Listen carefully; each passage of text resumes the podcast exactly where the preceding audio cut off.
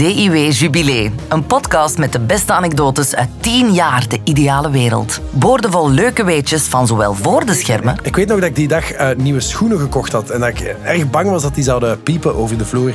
Maar dat is niet gebeurd. als achter de schermen. Oh, Ik ben toen speciaal naar Luxemburg moeten rijden om dat kostuum op te halen. En eh, wij reden dan verder. En ik, ik was vergeten te tanken. Als overschermen. Officieel is dat natuurlijk een gevechtsport, maar ik zie het meer als een sierlijke dans met sabels. De DIW podcast. Spanning en plezier verzekerd.